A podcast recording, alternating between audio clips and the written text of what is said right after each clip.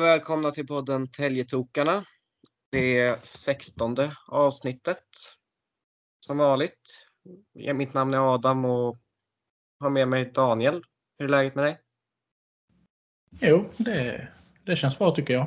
Eh, Celebers besök i podden som vanligt. Så att, eh, en av Sveriges bästa hockeybackar. Så att, eh, eh, det ska nog bli bra det här tror jag. Och det är ju ingen mindre än Andreas Hjelm. Varmt välkommen. Tack så mycket. Det var inte dåligt. En av Sveriges bästa. Så. Den tar jag emot. Tack för Ja. det. Lite sminker får vi ha här i podden liksom, så att alla känner sig eh, liksom bekväma och så. Ja, det är det. bra. Mm, ja. Men du har ju varit, du har varit med i podd tidigare, vad jag har för mig, Hockeypuls intervjuade dig. Eh, ja, det är möjligt. Det är möjligt. Jag tror det. Jag har knappt någon minne, men jag tror jag har varit med på någonting. Då har du ungefär lika mycket erfarenhet som vi. Ja, exakt. Exakt. Det är bra. Men lite mjukstart, om du kan berätta om dig själv. Ja, vad ska man säga? Jag är född och uppvuxen ute på Ekerö. Eh, min familj där. Eh, gick på skolan ute där och sen när det började vankas eh, gymnasiet flyttade jag till Södertälje och gick på Vaxtenäs. Hockey, hockey, eh, där. Och sen eh, for jag vidare över till eh, Norge, spelade tre år. Jag träffade min eh, fru också. Eh, Så nu efter en eh, rolig hockeyresa lite här och var i Luleå och i Södertälje och AIK så har vi hamnat här i Huddinge nu med familjen. Jag har två barn där och ja, lever ett härligt liv här tycker jag. Vad eh, uppskattar du förutom hockey? Vid sidan av hockeyn om du Ehm, får göra annat?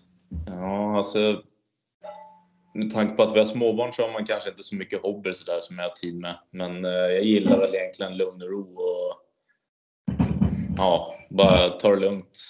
Um, blir mycket umgås med familjen och man får um- uppskatta de små tillfällena i livet, tänker jag. Så det, det mår jag bra av. Huddinge, det är väl några fler i laget som bor där? Ja, precis. Anderberg och eh, Alba bor ju ganska nära, 10 minuter iväg kanske. Samåker ni? Ja, det har blivit en del. Vi har fått en liten egen eh, bilpool kan man säga. Så det var det varit eh, ett gott häng på vägen till och från eh, Södertälje, tycker jag. Uh, Alba avslöjade att han är bästa föraren. Håller du med? ja, 100 procent. Han är den som är mest eh, ansvarsfull av egentligen alla tre. Så det, det tycker jag låter rimligt. Och han avslöjar också att Anderberg är farligast. ja. Anderberg är... Jag ska inte säga att han är en fara för trafiken, men det är nästintill alltså. Det är väl bra att ni kompletterar varandra då så att den ena kan hålla reda på den andra. Liksom. Det inte Ja, exakt.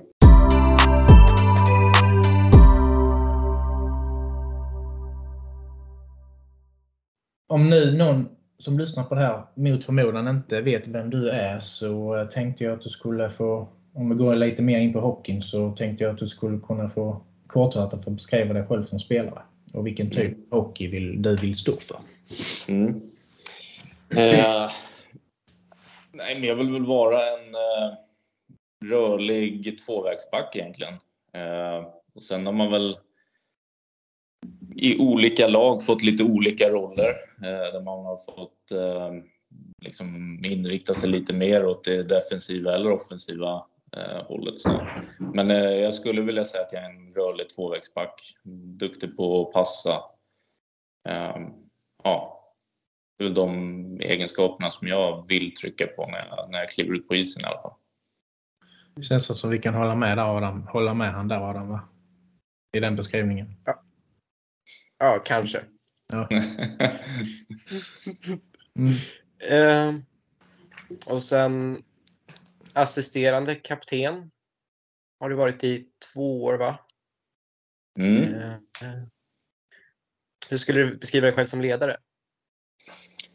Eh, jag är väl ganska lugn som person generellt. Eh, i omklädningsrummet gillar jag att skoja till det lite och hålla lite låda emellanåt. Speciellt när man är, när man är äldre eller en av de äldsta så tycker jag det är roligt att, att hålla lite skön ton i omklädningsrummet. De yngre brukar vara lite tystare och lite blygare så då är det kul att, att bjuda till lite. Ehm, och sen eh, är jag väl någon som kanske föregår med gott exempel när det kommer till att förbereda sig och ta hand om kroppen och lite sånt. Så det är väl, det är väl på det viset jag känner att jag leder laget. Eh, det är inte alltid att jag säger saker hela tiden. Jag kan vara tyst i tider också, men jag försöker att leda laget genom att visa väg lite grann. Är du eller Bergvik lagets lustigkurre? Ja. Alltså jag skulle nog säga att Bergvik är den som driver på mest när det gäller det. Han, har, han kommer varje dag till omklädningsrummet och kör samma skämt hela tiden. Så det är liksom, han har en ständig på-knapp där. Så han får nog ta den. Ja. Har du samma gubbhumor? ja, hundra procent. De blir, det blir roligare och roligare för varje år. Eh, utifrån sett så känns det lite grann eh, som ni i kaptenskvartetten eh, kompletterar varandra ganska så bra med olika egenskaper. Eh, är det en bild som du också stämmer in på? Ja, det tycker jag definitivt. Både i liksom att, att vi har lite, lite åldersskillnad allihop. Eh, och alla har ju lite olika roller ute på isen. Eh, och även som personligheter tycker jag att vi kompletterar varandra väldigt bra. Så ja, jag tycker det är en rolig eh, kvartett eller vad man säger med ledare som eh, ska bidra med någonting extra utöver bara att spela ishockey liksom.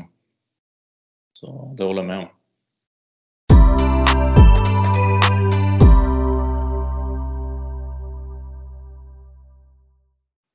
Om vi går in lite mer, lämnar kaptensspåret och går lite in, mer in på din karriär. Ehm, du nämnde ju tidigare att du har haft tre år, tre år i Norge, var det va? Några år i Luleå. Och sen var det två, två och ett halvt år i AIK. Några mm. månader i Björklöven. Eh, kanske hade fel på antalet år i AIK där, men eh, ja, kan du berätta lite eh, ja, hur det var i respektive klubb. Lite mer detaljerat. Ja. Min tid i Norge var ju eh, innan jag åkte dit så hade, då spelade jag fortfarande Södertäljes J20-lag eh, och hade en assisterande tränare, tränare som hette Patrik Eide. Och han hade ju lite kontakter i Norge och han har spelat där i många år. Så det var han som lyckades få mig över dit då. Och det var ju så här, för min del, jag hade ju tänkt typ division 1 eller kanske till och med lägga av med hockeyn bara för att det var ju ingenting som var riktigt självklart för mig då när man var ganska ung och man var ju långt ifrån att spela på allsvensk nivå då liksom. Så det var en guldbiljett för mig att bara komma in i seniorhockeyn och få tjäna första pengarna också på att spela hockey. Det var ju underbart. Så tiden i Norge var egentligen bara att få komma in på senior, seniornivå och skaffa sig lite erfarenhet. Eh, och sen hade jag ett riktigt bra sista år där minns jag. Då öppnades dörren till Södertälje igen då när SSK gick ner från elitserien då. Eh, och de två säsongerna jag hade där var ju också väldigt roliga. Väldigt, liksom, det var ett steg upp för mig så det var ju tuffare konkurrens i allsvenskan än vad det kanske var i, i norska ligan. Och, Eh, men jag lärde mig väldigt mycket under den resan tycker jag. Och speciellt mitt andra år där när det var lockout och man, jag blommade lite grann och eh, hade ett fantastiskt år. Det var en riktigt, riktigt rolig säsong tycker jag. Så fick man chansen till Luleå då och där var det väl som man, ytterligare ett steg upp eh, till elitserien första året och SHL som det blev sen då. Eh, och helt plötsligt så blir det ännu mer strukturerat. Det blir lite en annan typ av hockey tycker jag, så man fick eh, försöka lära sig det så snabbt man kunde. Och det var väl det jag kanske inte gjorde riktigt, att jag anpassade mig inte riktigt efter serien där och då. Jag kanske var lite ung när jag drog. Eh, känner jag väl i efterhand, men eh, jag lärde mig ändå den delen som jag kanske har varit svagast på eh, i, på isen och det är väl försvarsspelet. Och där, där kände jag att just Rönnqvist och Bulan och de som var där uppe hade väldigt mycket att komma med som man kanske inte hade fått med sig sen innan. Eh, och sen i slutet på den eh, sessionen så var det ju utlåning till SSK. Den tiden vill man ju helst radera ut i sin, i sin eh, historiebok när vi eh, åkte ner i division 1 då. Eh, eh, men någonstans så tycker jag under den tiden att det var ju en hemsk tid, men året efter så lärde det känns som att man hade tagit med sig någonting ifrån de tuffa månaderna man fick vara med om SSK och åka ner och jag kände i alla fall att jag utvecklades väldigt mycket under den tiden som jag kunde ta med mig till AIK som jag gick till senare. Um, och ja, i AIK tycker jag jag hade en fantastisk tid där, både på och utanför isen och det var väl anledningen till att jag var där i fyra år och som det blev totalt. Så, eh, fick vara med och nästan ta oss upp till SHL två gånger i alla fall. Eh, även om det var snöpligt att förlora så var det ändå fantastiska upplevelser. Liksom. Det är det man vill när man spelar i ett allsvenskt lag såklart. Då. Um, ja, och sen den korta tiden i Björklöven, det var väl återigen en, vad ska man säga, den, hela den sommaren innan så hade jag inget, kontrakt och det var ganska tyst på marknaden för min del.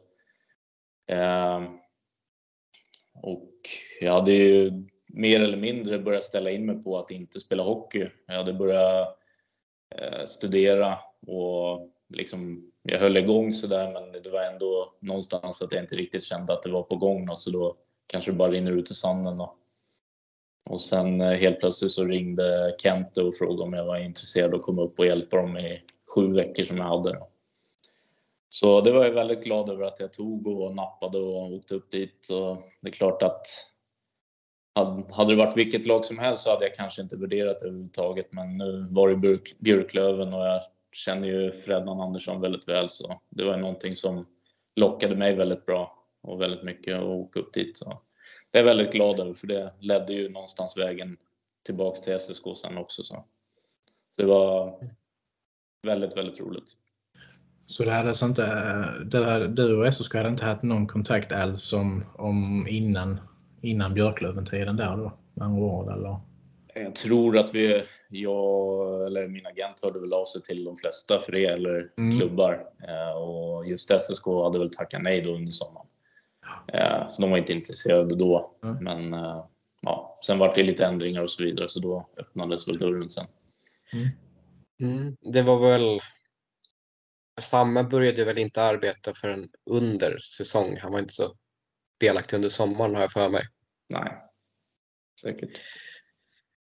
Eh, men ja, om vi backar bandet till, jag tänkte på lockout-säsongen som du nämnde. Mm. Eh, ni hade ju en fantastisk grundserie det året. Mm. Men när det var dags för kvalserien så höll det inte riktigt. Ja, vad stämde inte för er under kvalserien? Mm. Eh, alltså, jag minns ju att vi hade ju, var det Leksand typ i första matchen som vi vart mer eller mindre överkörda. Eh, och sen hade vi Rögle tror jag på hemmaplan där vi spelmässigt kunde trycka på lite och vi hade lite puls men de vann ju och gjorde avgörande i öppen kasse tror jag. Sådär. Sen efter det kändes det som att luften lite gick ur oss. Eh, men det kändes väl som att vi kanske inte riktigt eh, visste vad vi gick in i ändå. Alltså så här, en kvalserie, komma upp till Leksand. Eh, de kommer ut och jag tror de gjorde mål i första eller andra bytet eller vad det var. Det var, gick väldigt snabbt innan matchen mer eller mindre var över. Eh, så jag tror kanske den här rutinen saknades. Eh, och sen också att under lockouten så vi började ju knackigt. Jag tror vi låg näst sist eller sist efter typ, jag vet inte hur många omgångar. Åtta kanske säger vi då. Och den fick vi en liten vändning och sen kom lockouten. Då kom, fick vi förstärkningar på, på isen som gjorde väldigt, väldigt mycket. Och sen eh, försvann ju de under resan och då kunde vi i laget fortsatte ju att trumma på ganska bra men sen vart det ändå som att någonting saknades tror jag. Eh, den här bredden eller den här spetsen, jag vet inte vad men det känns som att det tappade lite efter vi eh, förlorade de spelarna då såklart. Men är det lite är det lite jämförbart med spelarna ni tappade förra året? Det kändes som att det inte riktigt... Det blev lite... Det blev inte det här förra året, stegringen man, igen, man hoppas på kanske under säsong. Det kändes som att det gick ner lite mot slutet. Ja, alltså det är väl... Det är väl eh, finns väl aldrig något riktigt facit för hur det kommer gå, även om man tar dit killar som är väldigt duktiga. Men eh, där och då tror jag att, alltså om jag tänker till förra, eller till lockouten, då var det väl att det var precis det vi behövde. Att få in killar som gjorde en enorm skillnad på isen och kunde dra med sig fler. Eh, och om man tänker till förra året så kanske det var eh, killar som de kanske inte var liksom eh, toppen av världen som alltså Hagelin och Matt Reed var just då när vi fick dem. Eh, utan det är väl mer sådana som försöker slå sig in i NHL-lag och liksom, det, jag menar inte att de är dåliga ishockeyspelare de som var med oss, de är jätteduktiga men de kanske inte hade den där, det självförtroendet som de behövde för att gå in och dominera just då. Så. Det var väl kanske det som eh, blev lite sådär eh, att de också försöker hitta sitt spel i, i, i vår vardag. Men uh, ja, det är svårt att sätta fingret på tycker jag vad, vad anledningen till var. Uh, när vi ändå kom in på förra året, hur, hur upplevde du det? Det var en väldigt märklig säsong.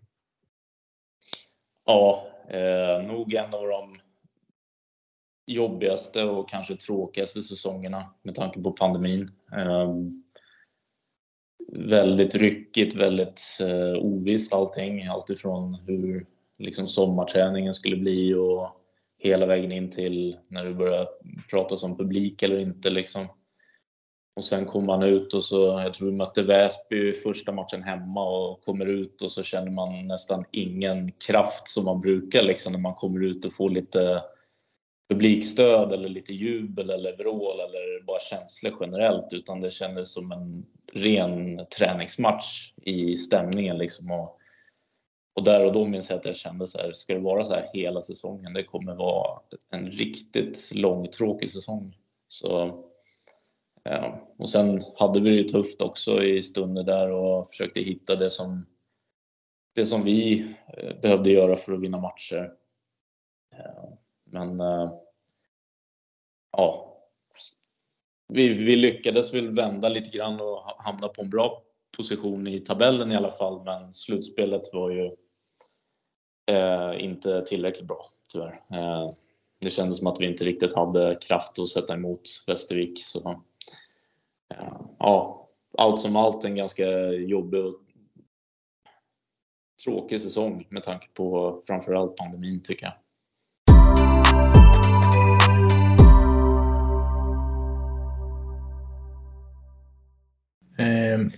Eh, du var, var, lite grann och snodda vid det där innan men eh, hockeyn, var det det som var nummer ett du gällde eller du, du hade, var du talangfull, talangfull inom någon annan idrott?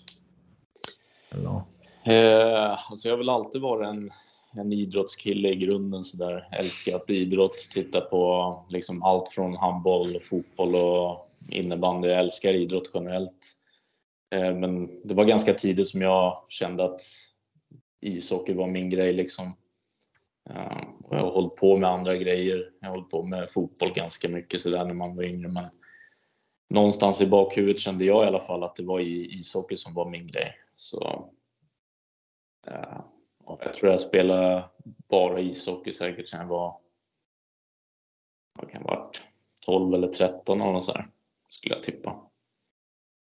Det är väl, när man ser tillbaks på det så är det väl ganska tidigt tycker jag i alla fall att välja en idrott som man bara inriktar sig på. Det skulle jag nog kanske göra lite annorlunda och hålla med två idrotter i alla fall lite längre kanske.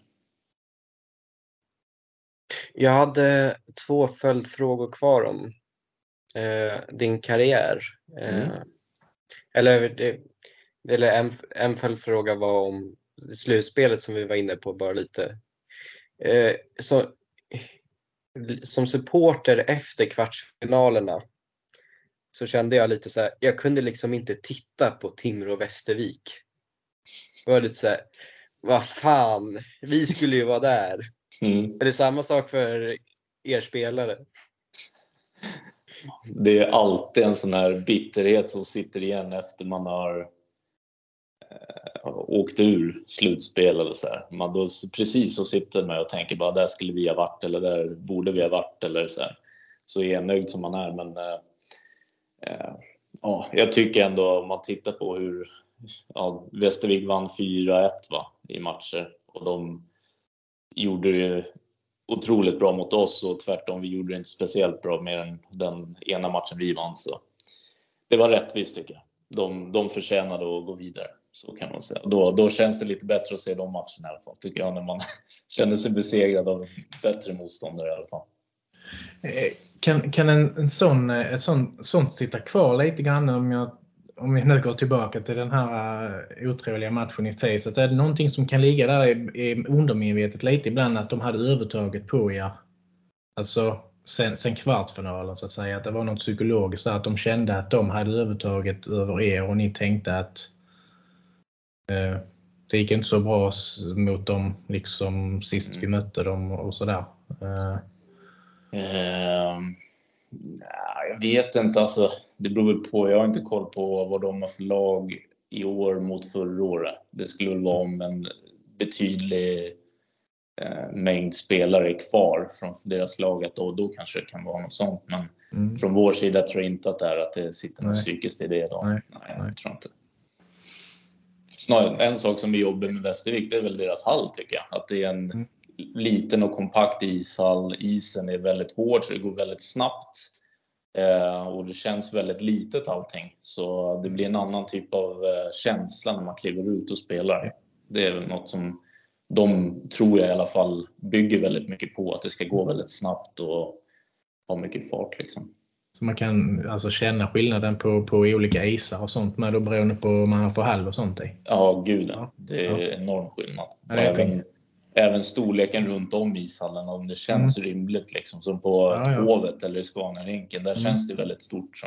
Mm. Uh, då känns det som att man har lite mer yta liksom. Mm.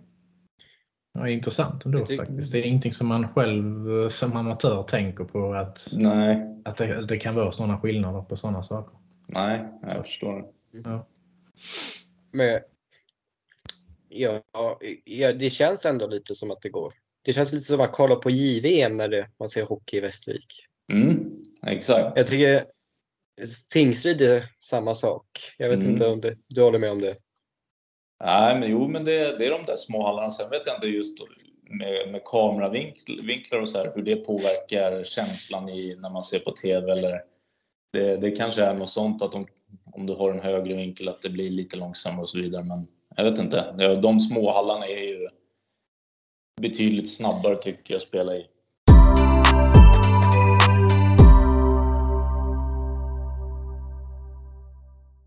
Sen hade jag en följdfråga om det du sa att du vill radera ur minnet och jag lovar, det vill jag också. Eh, men jag är ändå... Det, du, du måste ha känt när du var där att det liksom fanns någonting som inte stämde. Och då undrar jag, vad, vad kände du inte stämde i gruppen? Eh, ja, jag kom ju dit. Det var typ i slutet på januari. Eh, och jag upplevde väl att det kanske hade varit saker och ting som inte hade skötts ordentligt redan från start av det jag kände från spelarna. Ehm, och allt ifrån liksom hur, hur man ska spela till ja, jag vet inte hur man, hur man tränar kändes lite, lite ostrukturerat tyckte jag. Då. Ehm, och sen kan jag väl tycka också att laget på pappret kanske var lite överskattat om jag ska vara ärlig. Eh, de hade ju som mål att gå upp i SHL och ja, jag tycker att det kanske inte fanns de kvali kvaliteten om man tittar på laget. Så, ja, men det... Ja, det som jag kände under tiden där var väl att det kanske inte riktigt var... Eh, alltså det kändes som att vi inte orkade spela i hög hastighet i 60 minuter. Så alla andra lagen kunde vinna mot oss med bara fart och kraft. Liksom. Och då, när vi inte hade kanske de toppkvaliteterna i laget så då var det svårt för oss. Det kändes som att vi vart nerarbetade nästan varje match. Ja, så, men det, det, är också det här mentala, alltså när du har ett lag som sakta men säkert faller in i en ond spiral, då är det, då är det ganska svårt att, ja, och vrida om det. det. Det krävs ju någonting och det är svårt att hitta den där knappen på vad, vad ska vi ändra på? Vad är felet liksom? Nu kanske jag är ute och cyklar, men jag har för mig att du sa någonstans att det året att det var liksom man kunde komma, jag, jag tror för mig att du sa att du kunde komma till träningen dagen efter en en dålig insats och det kändes inte riktigt som att laget brydde sig. Mm. Att det liksom bara var garv och... Stämmer det eller? Har jag... Ja, men det var, det var bra stämning i gruppen. Men jag tycker med tanke på hur vi spelade och så här, var det nästan lite för bra. Och då är det det jag menar, att det kändes som att det var kanske inte tillräckligt många som verkligen brydde sig till 100% att vi hade förlorat eller det var som att man bara gick och rök lite på axlarna då och då. Så det, det, det står jag för att jag har sagt det. Kravställningen på varandra fanns inte där? Som Nej, inte direkt.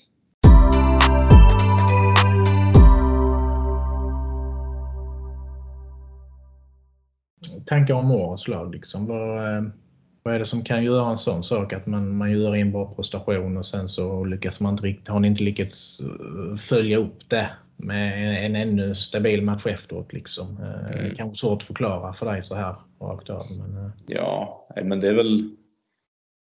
Jag tror att det är mycket som vi är inne och, och tittar på liksom så här, som lag och med, med ledarna. Att vi måste liksom förstå vad vi är bra på, alltså vilken typ av lag vi är och fortsätta att spela den typen av hockeyn hela tiden och inte bara varannan eller var tredje match eller när man känner för det utan vi måste liksom fortsätta att spela på ett och samma sätt hela tiden.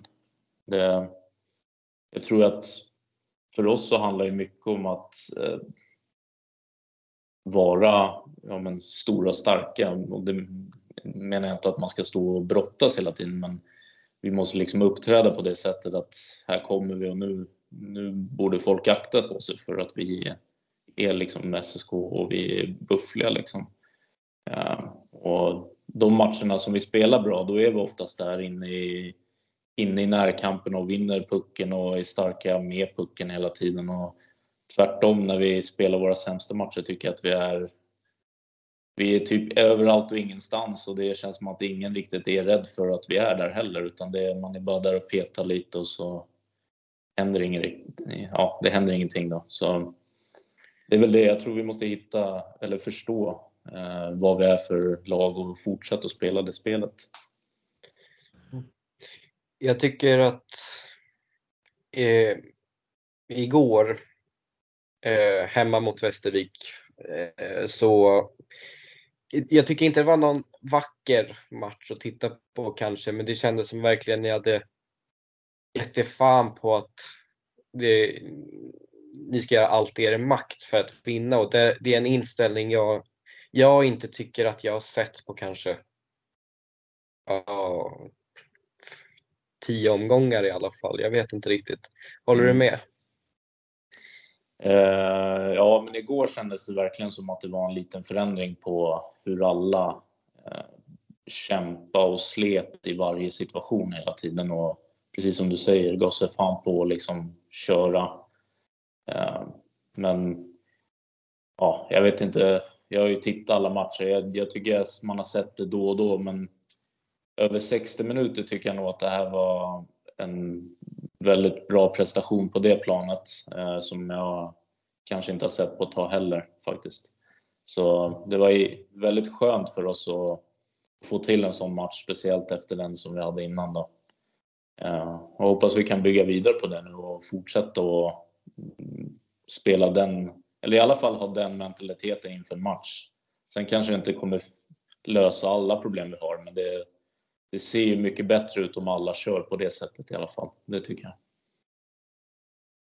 Jag tror hjärtat stannar några gånger i tredje för övrigt. Ja. det gjorde det på oss på isen också emellanåt.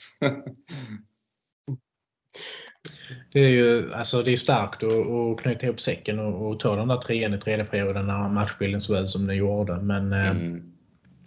Det är väl rätt naturligt att en tredje perioderna, om det är jämna matcher, att det kanske inte kan se ut så i varje match och till slut så kommer målen till att trilla in också så att säga. Mm. Men eh, det är ändå skönt och viktigt att, att få ett exempel när, när alla stämplar in och kogar i varandra och gör jobbet Mm. som krävs så, så blir det ju ett tydligt och bra och viktigt exempel att det kan hända bra grejer när vi liksom Ja. går in med den inställningen och den mentaliteten. Liksom, att ni täcker skott och, och blir så jobbiga ni bara kan för motståndare. Liksom. Mm, exakt.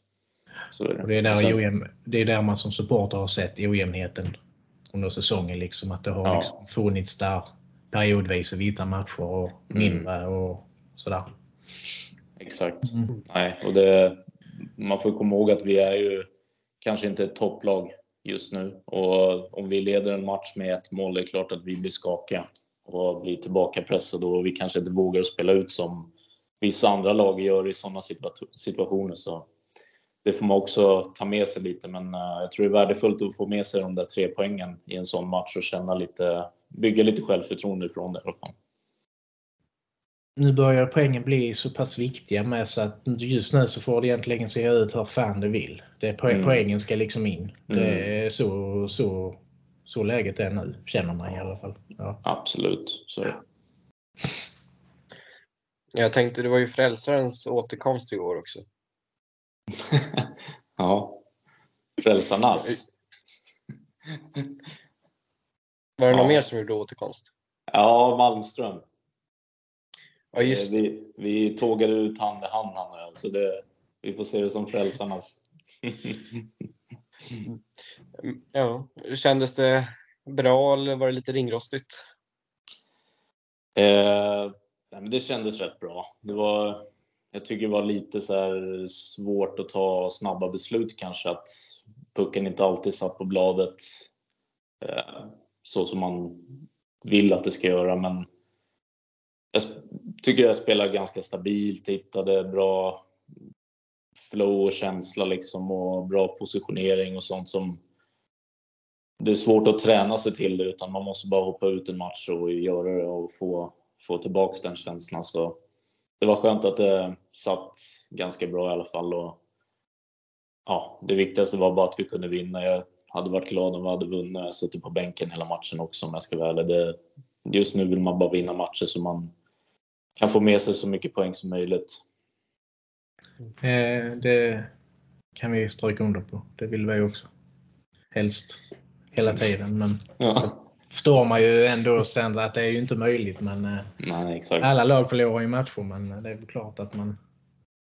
Det är ju lite dålig förlorare ibland om man säger så. Men det, Ja, det är klart. ja. Så är det. Mm.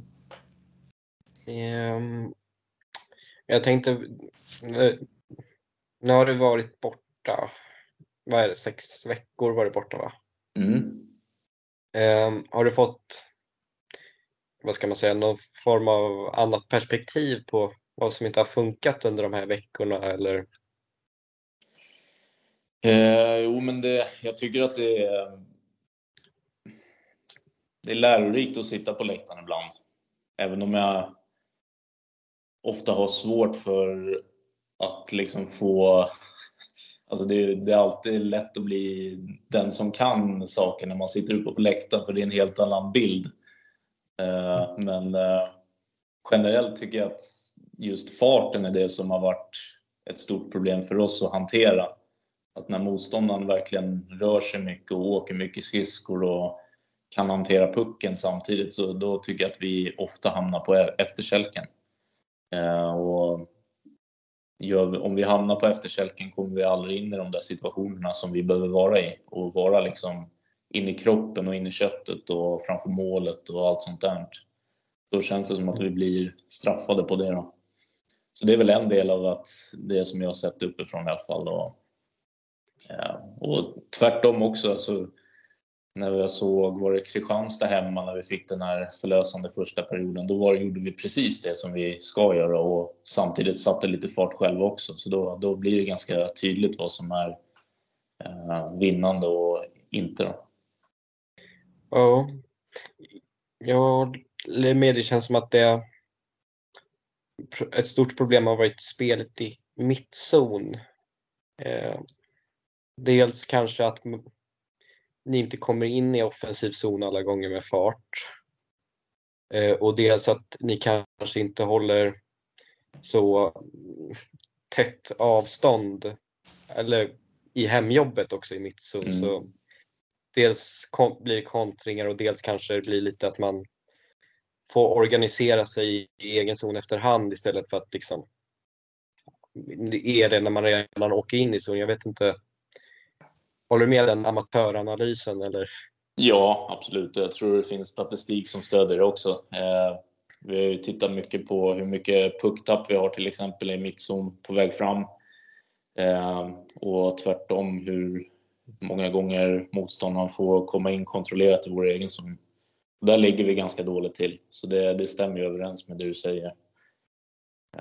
Men jag tror, jag tror det kommer lite grann tillbaks till farten faktiskt, för det, har, du, har du inte fart genom mittzon så tar man oftast lite sämre beslut för att man kanske inte är ett alternativ själv att bära puck vidare utan man känner att man måste passa eller skicka pucken vidare. Ja. Så det är väl en del av det och sen har vi också haft tendenser till att vara naiva eller överspela eller bara tro att man är någon superstjärna och ska pilla in den i mitten när man inte har någon där. Så det är något, ett beteende som vi har försökt att liksom, ja, vad säger man? Eh, alltså trycka på då, att det här funkar inte. Och det har tagit, det tar tid för vissa att lära sig liksom och det, ja, jag vet inte vi kan inte göra så mycket mer än att bara försöka, försöka att få alla till att förstå vad som, vad som krävs. Liksom.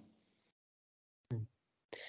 Eh, jag tänkte med, jag har en liten amatöranalys eh, här, men i, i, lite, det har varit lite mycket ibland i vissa matcher att en och en när, när ni dumpar ner pucken i, i offensiv zon, att det, ibland blir det lite väl mycket en, en och en som ska ner och köra och vinna puck liksom och att ni liksom blir lite för långa, för långa mm. i lagdelarna om du förstår vad jag menar. Liksom. Det är ja. något som jag har lagt märke till. Uh, att uh, blir, blir han av med pucken ganska lätt igen och sen får då motståndarna bygga upp igen och vända spelet. Liksom. Så får ja, vi lägga er på försvar igen och, och, spela mycket utan puck och sådana grejer. Liksom. Mm. Det tar ju mycket på kraften också.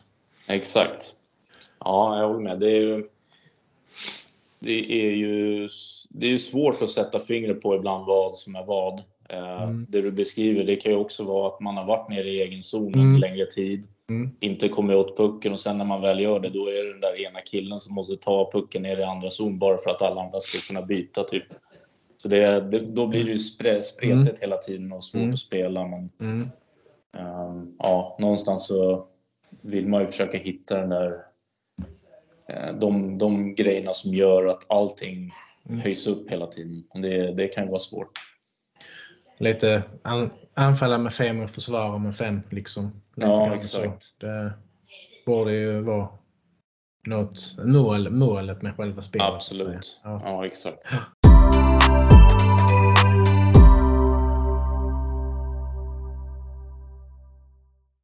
Nu har jag tappat bort vart vi är i själva schemat. Det har vi sumpat för länge sedan kan jag säga. Så det är väl bara till att köra på. Vi får se hur länge Hjelmen han har eh, tid att sitta här hos oss en lördagkväll. Men om vi backar till eh, helveteskvällen i tisdags. Så vad, tänk, vad tänker du när du liksom, antar att du såg det på TV, när det liksom bara rinner iväg? Mm. Ja, du, vad tänker man? Man tänker väl att eh, ja, det, första, det första jag känner är att man lider med, med laget för att man vet hur jobbigt det är att vara på isen när det är sådär. Alltså, det är liksom eh, en pina och även alltså för hela föreningen och supportrarna. Det är ju liksom det skämmigaste man, man kan visa upp liksom. Så bara själva känslan är väl det första jag får i mig och sen eh, ja, lite grann så här vad, eh, hur ska vi ta oss vidare? Vad ska man liksom, vad, man försöker ju att sitta där som en, som en tränare eller ledare och bara vad är, vad är problemet här? Varför blir det så här? Man vill ju ha lösningar. Man vill ju liksom komma till hallen och bara säga jag vet, jag vet precis hur vi ska göra liksom. Men det är svårt eh, att veta vad som är vad och varför det blir som det blir. Men uh, ja, generellt så tror jag man bara får de här hopplösa känslorna i sig. Man ser. Förl- Förlora matcher som hockeylag kan man givetvis göra. Liksom. Det tror jag det är man ju som supporter helt medveten om. Men det är väl, Mm. man kände som du såg efter tisdag så efter ja, halva matchen så Mm. kändes det inte som att det var någon som brydde sig längre överhuvudtaget. Och det är inte så roligt att titta och titta på. Nej, man har exakt. följt ett lag i så många år som man har gjort. Liksom. Mm. Och det förstår jag. Det, det är ju, tror jag alla i laget också vet och känner precis likadant att det finns ju sätt att, att förlora på och det där var inte ett sätt man ska förlora på. Liksom. Det var under all kritik och det vill vi inte se igen. Det, det kändes framförallt onödigt att det just rann iväg till 10. Med, Eh, Västervik ledde rättvist med 4-0 efter Mm. två perioder. Och bara det var kanske i, inte okej. så. Men sen det, hade man fortsatt som man gjorde i två perioder hade det kanske blivit 6-7-0. Men jag vet inte. Mm. Det, det jag, jag stör mig på när man liksom bara jag slutar spela egentligen Mm. sista minuterna. Mm. Och det förstår jag. Det, det gör säkert alla. Alltså, jag tycker också det är jobbigt att se på. Liksom, och, ja, jag kan inte ge någon bra förklaring till varför det blir så, mer än att det känns som att man tappar hoppet lite grann ute på isen. Och det hoppet försvann nog efter typ tredje målet säkert.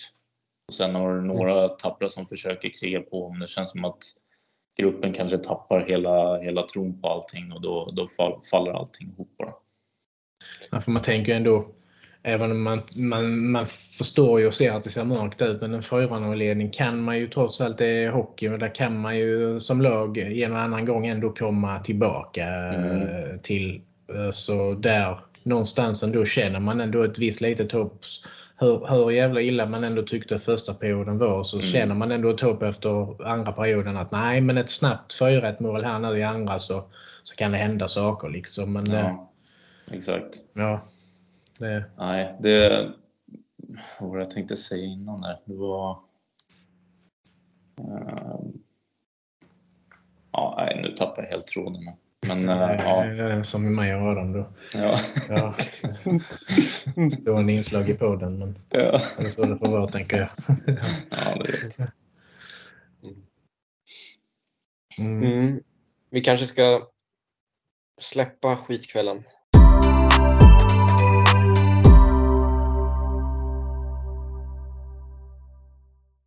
Om vi blickar framåt, vet inte riktigt när den här podden kom ut, men det är i alla fall dubbelmöte mot Almtuna. Eh, lite läge, en chans att ta bort de här spekulationerna om de två sista platserna och bara fokusera på slutspel. Vad, vad känner du blir viktigt? Eh, nej, men det är väl nog att man vill se någon form av fortsättning av det vi hade sist i, i kampvilja och viljan att gå ut och bara köra allt vad man har liksom. Det är väl det första. Med tanke på om vi återigen ska gå tillbaks till tisdagskvällen så är det liksom, det är ju det lägsta man kan förvänta då, att folk går ut och kör allt vad de har och visar att de vill vara på isen. Så det vill jag bygga vidare på. Och sen finns det ju saker så här strategiskt som vi kanske måste ändra lite på för att känna att vi tar steg framåt där också. Men eh, jag vill nog bara fokusera på den känslan att alla i gruppen ger sig fan på att gå ut och köra liksom. Då tror jag att vi kommer lösa många problem i, i längden. Det känns som att Almtuna tycker jag känns ganska svårspelade. Det känns dels ett livsfarligt powerplay. Väldigt snabba, spelskickliga forwards och kreativa backar. Mm. Kanske haft lite problem med målvaktsspelet och egen zon. Men vad, eller, vad är din bild av Almtuna? Eh, Almtunas är, de har alltid varit någon form av spöklag för mig tycker jag. Eh, minns tiden i AIK också när vi mötte dem. Det var, man visste aldrig hur de skulle komma ut och spela och man visste aldrig var de var någonstans på isen. Det kändes som att de var överallt och ingenstans och sen helt plötsligt blev det ett friläge som man inte såg komma.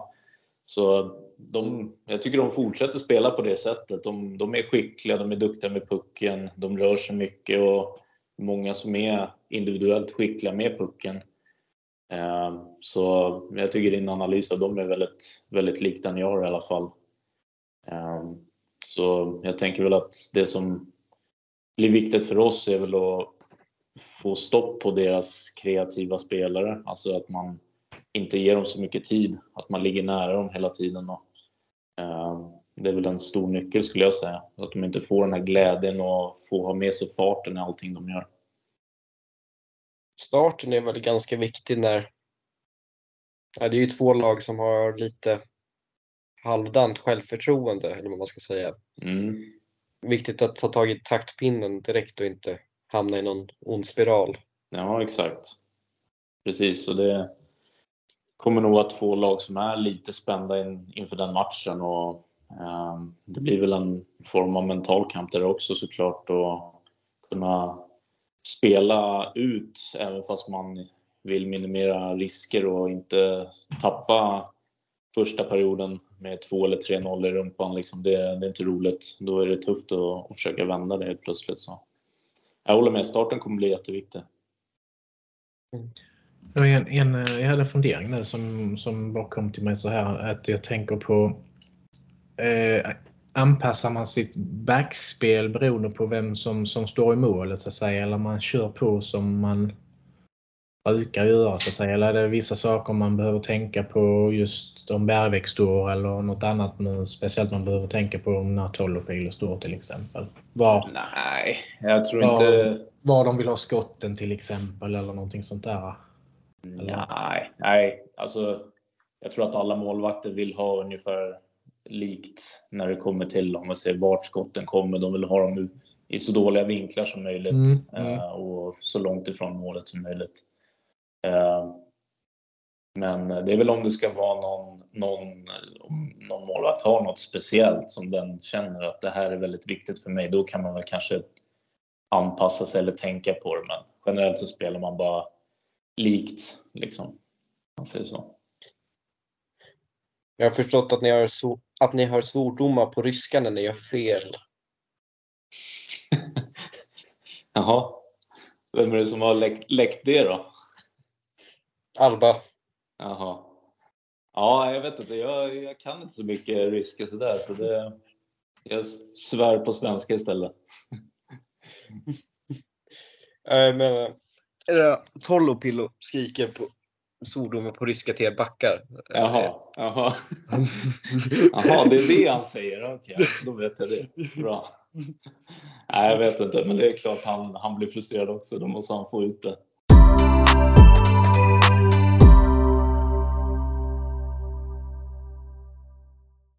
Jag fick en fråga i huvudet, går tillbaka ganska långt, men när du berättade att du lämnade Björklöven och sen kritade på för SSK. Jag kommer ihåg att jag läste någon intervju med Samuelsson efter säsongen. Så sa han att han, när den här matchen när du spelade i Björklöven och ni vann med 6-1. Mm. Då kunde han bara stå där och tänka, vad fan han, skulle han vilja komma till oss för? Mm. Och då blir, väl, då blir väl frågan, vad fan kom du hit för? ja, exakt. Nej, men äh, det, jag har ju min historia i SSK. Alltså, hade det varit något annat lag så hade man kanske känt så att vad fan, vad fan ska jag hit för? Men eh, SSK har ju legat nära mitt hjärta såklart och jag är grymt tacksam för allt jag fått och fått en fantastisk hockeyutbildning och ja, jag är väldigt stolt över att ha representerat SSK så länge. Eh, men där och då, då känner jag mer så här, jag vill, jag fick en bra motivation till att komma tillbaks för att det var ett lag som behövde liksom hjälp och behövde få en ändring liksom och då kände jag att det var väldigt motiverande. Så det var väl den, den anledningen till det. Då. Jag hade ju kunnat stanna i, i Björklöven och slåss om topplaceringar den säsongen, men det kändes som att jag var väldigt motiverad till att komma och bara hjälpa till. Och det var väldigt roligt. Det var synd att den säsongen vart avbruten, för jag tror jag hade nog kunnat varit jobbig på många sätt för, för många lag i slutet. Här. Eh, kom du inte upp i J20 när Per Nygårds var juniortränare? Mm. Eh, vad har han bet betytt för dig? Alltså om du vill i längre perspektivet nu när du ser tillbaka på det. Mm. Nej, men massor. Eh, det är inte alltid man liksom får lärdomar som bara trillar in i en på sekunden. Alltså han har ju matat in saker igen som man har förstått längre fram i sin karriär. Liksom. Och mycket som han tryckte på hos mig var just så här, kroppsspråk på isen och att man inte ska liksom visa att man kanske är trött eller visa att man har gjort ett misstag eller att man är less eller så här. Och det var inte något som jag anammade direkt utan det tog, det tog tid. Eh, och, men det är något som jag har förstått i efterhand att han, han har vetat om det länge och försökt liksom printa in det i mig. Och det är väldigt värdefullt så här i efterhand faktiskt. Eh, och sen även, han är ju en alltså, han är grymt begåvad på att analysera och komma ihåg liksom situationer och matcher och han kan ju fortfarande komma och berätta om ett mål som jag gjorde när jag var typ 15 år i, ute på ja, någon så här skithall i Stockholmsförorten liksom, som han har varit och tittat på. Så där är han ju väldigt duktig tycker jag och kan ju väldigt, väldigt mycket hockey. Så. Ja. Och sen var det han som, han var ju den som tog mig tillbaks till SSK efter Norge. Det var ju då han var liksom sportchef och så. så. Ja, skulle precis eh, komma till den frågan men du Ja, exakt. Så det, det, är också värdefullt med tanke på den skjutsen jag fick efter det. Så mm. ja, väldigt tacksam för allt han har gjort.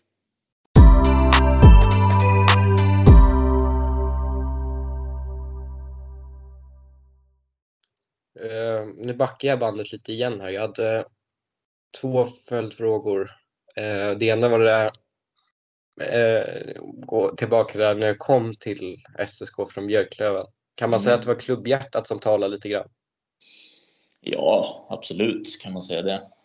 Ehm, och sen var det ju perfekt också för min familj. Alltså att jag kunde komma tillbaks till, till området här och vi kunde bara fortsätta leva det liv som vi hade innan. Så det var, det var en perfekt värld för mig, perfekt lösning av allt och också att jag kunde skriva ett långt kontrakt. Jag var ändå över 30 bast det, det, är inte många föreningar som vill skriva så långa kontrakt med spelare då. Så det, nej, så det var definitivt en del av mitt, uh, mitt SSK-hjärta som, som gjorde att jag kom tillbaks. Det tycker jag.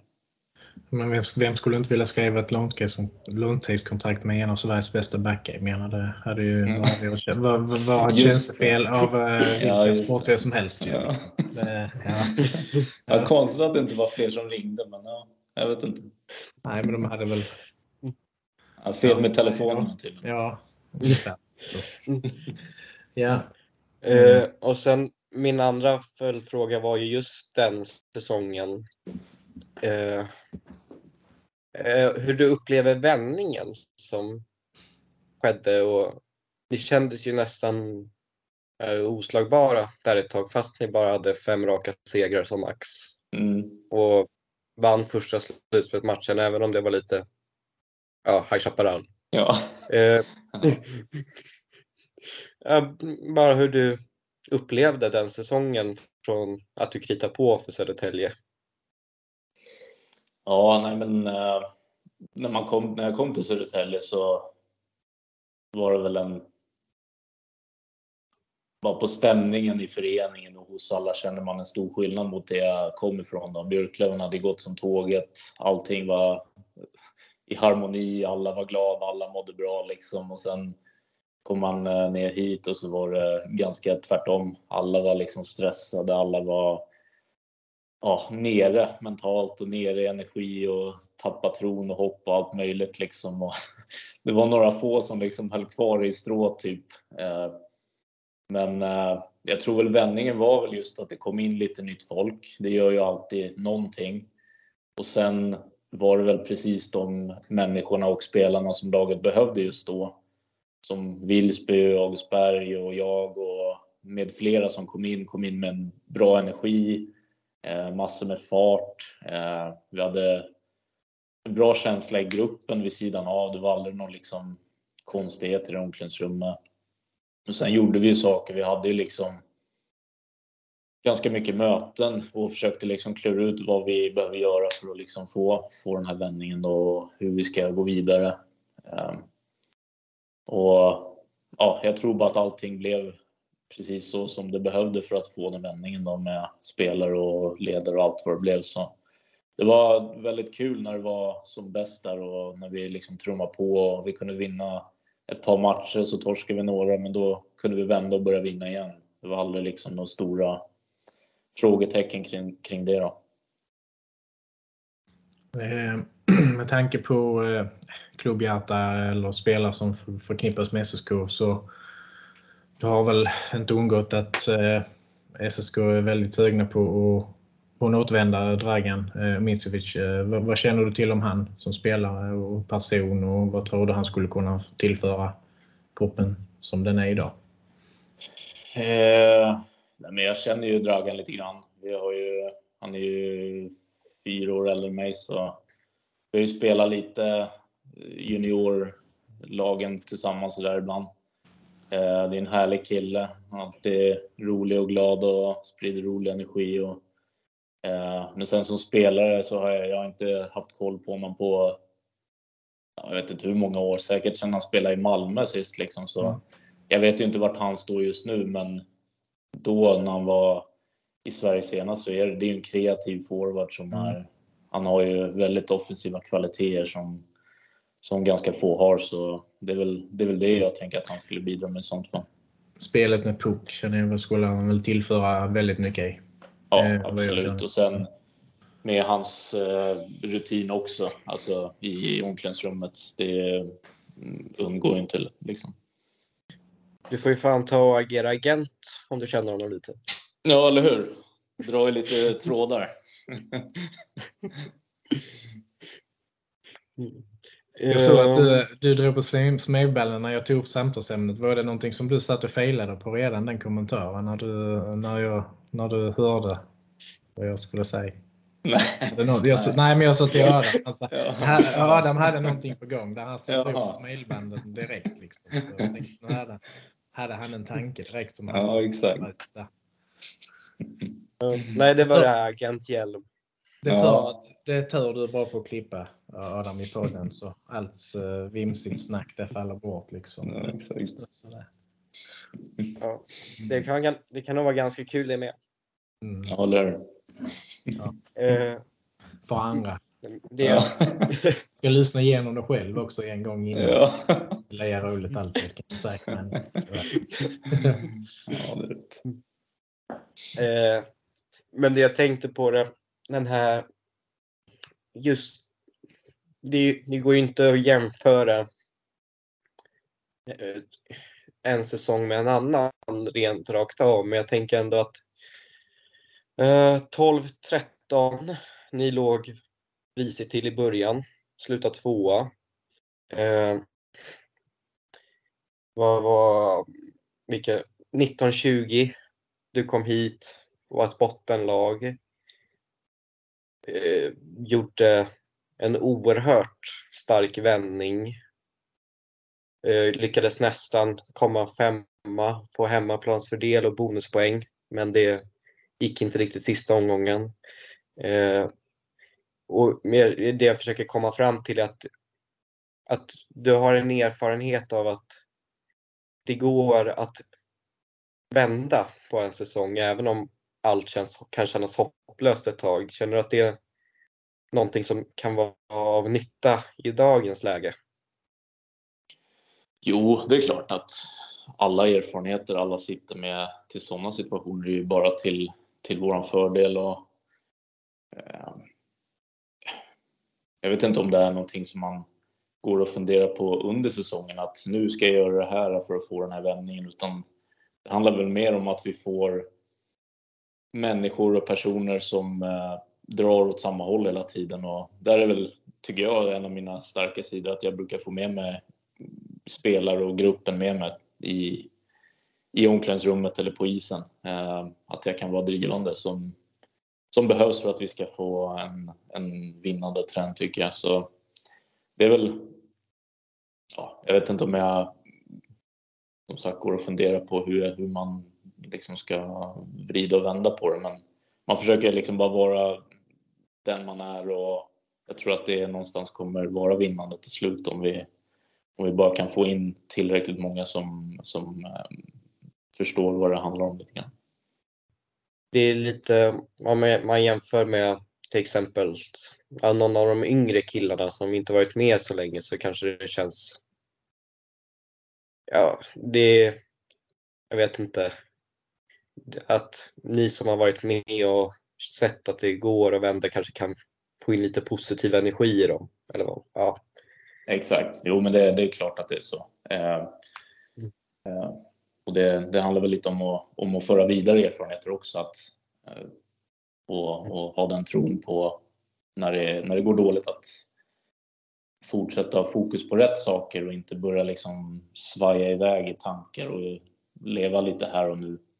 Det tror jag är väldigt viktigt. Ehm, det var ju som när vi fick den vändningen eh, Eh, under lockout-säsongen så minns jag att Strömvall han hade något, något tal om att eh, han sa typ så här, hur äter man en elefant?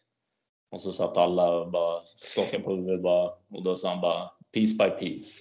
Och det var lite så vi tog det. Och sen satte han upp en, en stor tabell över hela serien i omklädningsrummet så vi såg liksom vart vi låg och så för varje seger så hoppade man ett steg upp typ eller vart man, vart man nu hamnar då för varje omgång. Så det var lite så, så som det som funkar för oss då att vi behöver bara vinna en och en match liksom eller en och en period eller man bryter ner det liksom. Så det tycker jag var väldigt klokt ändå i efterhand. Det känns som om ni lyckas vända på det här och ta er till slutspel, det är ju väldigt lång väg upp till topp 6 just nu. Men kanske om det kommer lite nyförvärv och sånt. Att eh, det... Man kommer ju in lite...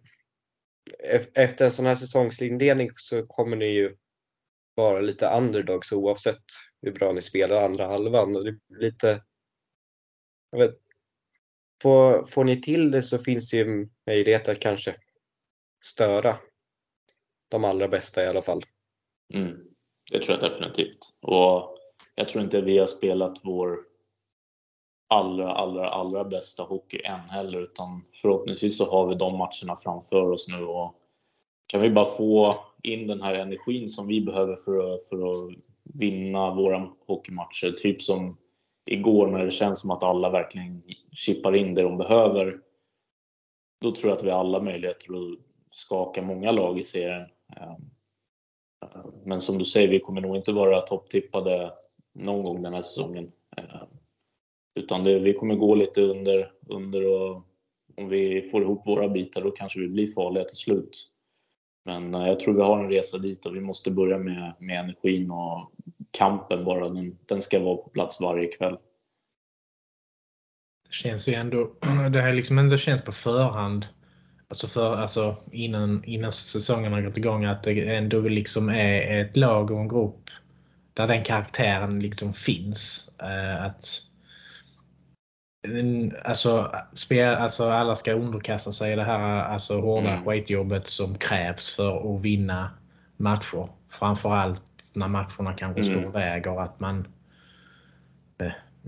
Ja, alltså karaktär överhuvudtaget. Man kan gå ner och täcka skott även om ni leder med 5-0 mm. bara för att målvakten ska få hålla nollan till exempel. Och ja, bara, bara, bara för att stärka moralen på, på varje individ i laget. Så att säga. Det, mm. Den känslan har man haft. Och, det ser man också ibland när, när mm. man chippar in på det där. Att... Exakt. Det är just det. det man ser det ibland och det, det, är väl en ljusglimt som man liksom vill ha fler och fler gånger. Mm. Kan man få in det? Det är, det är svårt att veta vad, vad som behövs men jag tror vi just där vi är idag så känns det som att vi har en ganska bra eh, energi nu med oss ifrån förra matchen. Jag hoppas vi kan fortsätta ha det nu. Mm. Det vore riktigt kul att få bygga vidare. Absolut. Min erfarenhet av att om man ska göra exakt allt i sin makt för att vinna och liksom stämpla in och jobba stenhårt i 60 minuter så krävs det det som egentligen är ett minimumkrav för det är att man har en tro på att man klarar av det liksom. Jag vet jag känns att en del matcher så ser jag lite, känns det som att man tittar på kroppsspråket och att den tron inte riktigt finns där. Och då är det, mm. det, är, det är svårt att ta en åkning 110 procent om man liksom känner mentalt att man inte kommer vinna den här matchen. Jag vet mm. inte.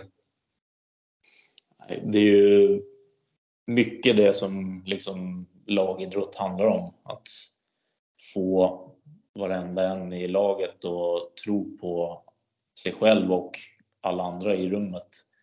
Ehm, jag kan väl hålla med om att det har sett ut som att många har tappat tron ibland i matcher. Ehm, och att man kanske,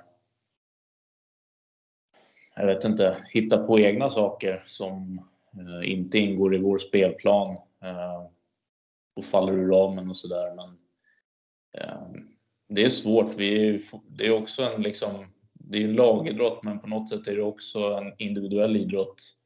Eh, I slutet på dagen så kommer man inte sitta och skriva kontrakt med 20 andra killar utan det gör man för sin egen prestationsresultat. Eh, så det, det är någonting vi alla liksom tampas med hela tiden. Eh, så trixet att få ihop en en grupp som verkligen drar åt samma håll och alla, alla liksom tror på det. Det är väldigt svårt skulle jag vilja säga och det krävs ju att man har rätt individer i, i laget också, att vi kan få ihop tillräckligt många bra lagspelare på en och samma gång. Mm. Och jag tänker också det här med när vi har pratat om att det syns i perioder. Om man har lite halvdant självförtroende men exempelvis ändå kommer ut och jobbar stenhårt och gör en bra start Sen kommer någon form av motgång i matchen och då är det kanske lite att man hamnar i den här svackan mm. man hade inför. Precis. Det ja, det är, mycket, det är mycket psykologi i allt vi gör och det, det speglas ju ofta i, i prestationer som, som supportrar eller alla på läktaren ser men det är kanske inte alltid eh, kanske inte alltid är lätt att, att förstå det heller. Man, man blir bara frustrerad oftast när man ser vissa hur de, hur de faller ur ramen eller vad, vad det nu händer. Liksom. Ehm, eh, men det är klart att det är mycket sånt som spelar in också.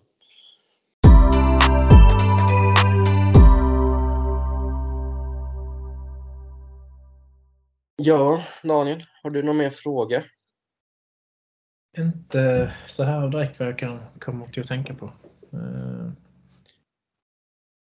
Nej. Tycker väl vi har svamlat på rätt så bra nu i en och en halv timme snart. Så att, uh, uh, jag ska kolla bara lite snabbt schemat vi inte alls har följt. Jag har med suttit och kollat lite efter det, men jag känner mig ganska nöjd med, med det. Faktiskt. Ja, nej, vi, vi kanske ska stanna där. Hur kändes det? Har vi behandlat dig väl? Väldigt väl. Jag känner mig eh, omhändertagen här. Nu blir det kvälls, kvällsmys med chips och cola och allt vad det innebär. Nu ska jag må bra. Härligt, härligt.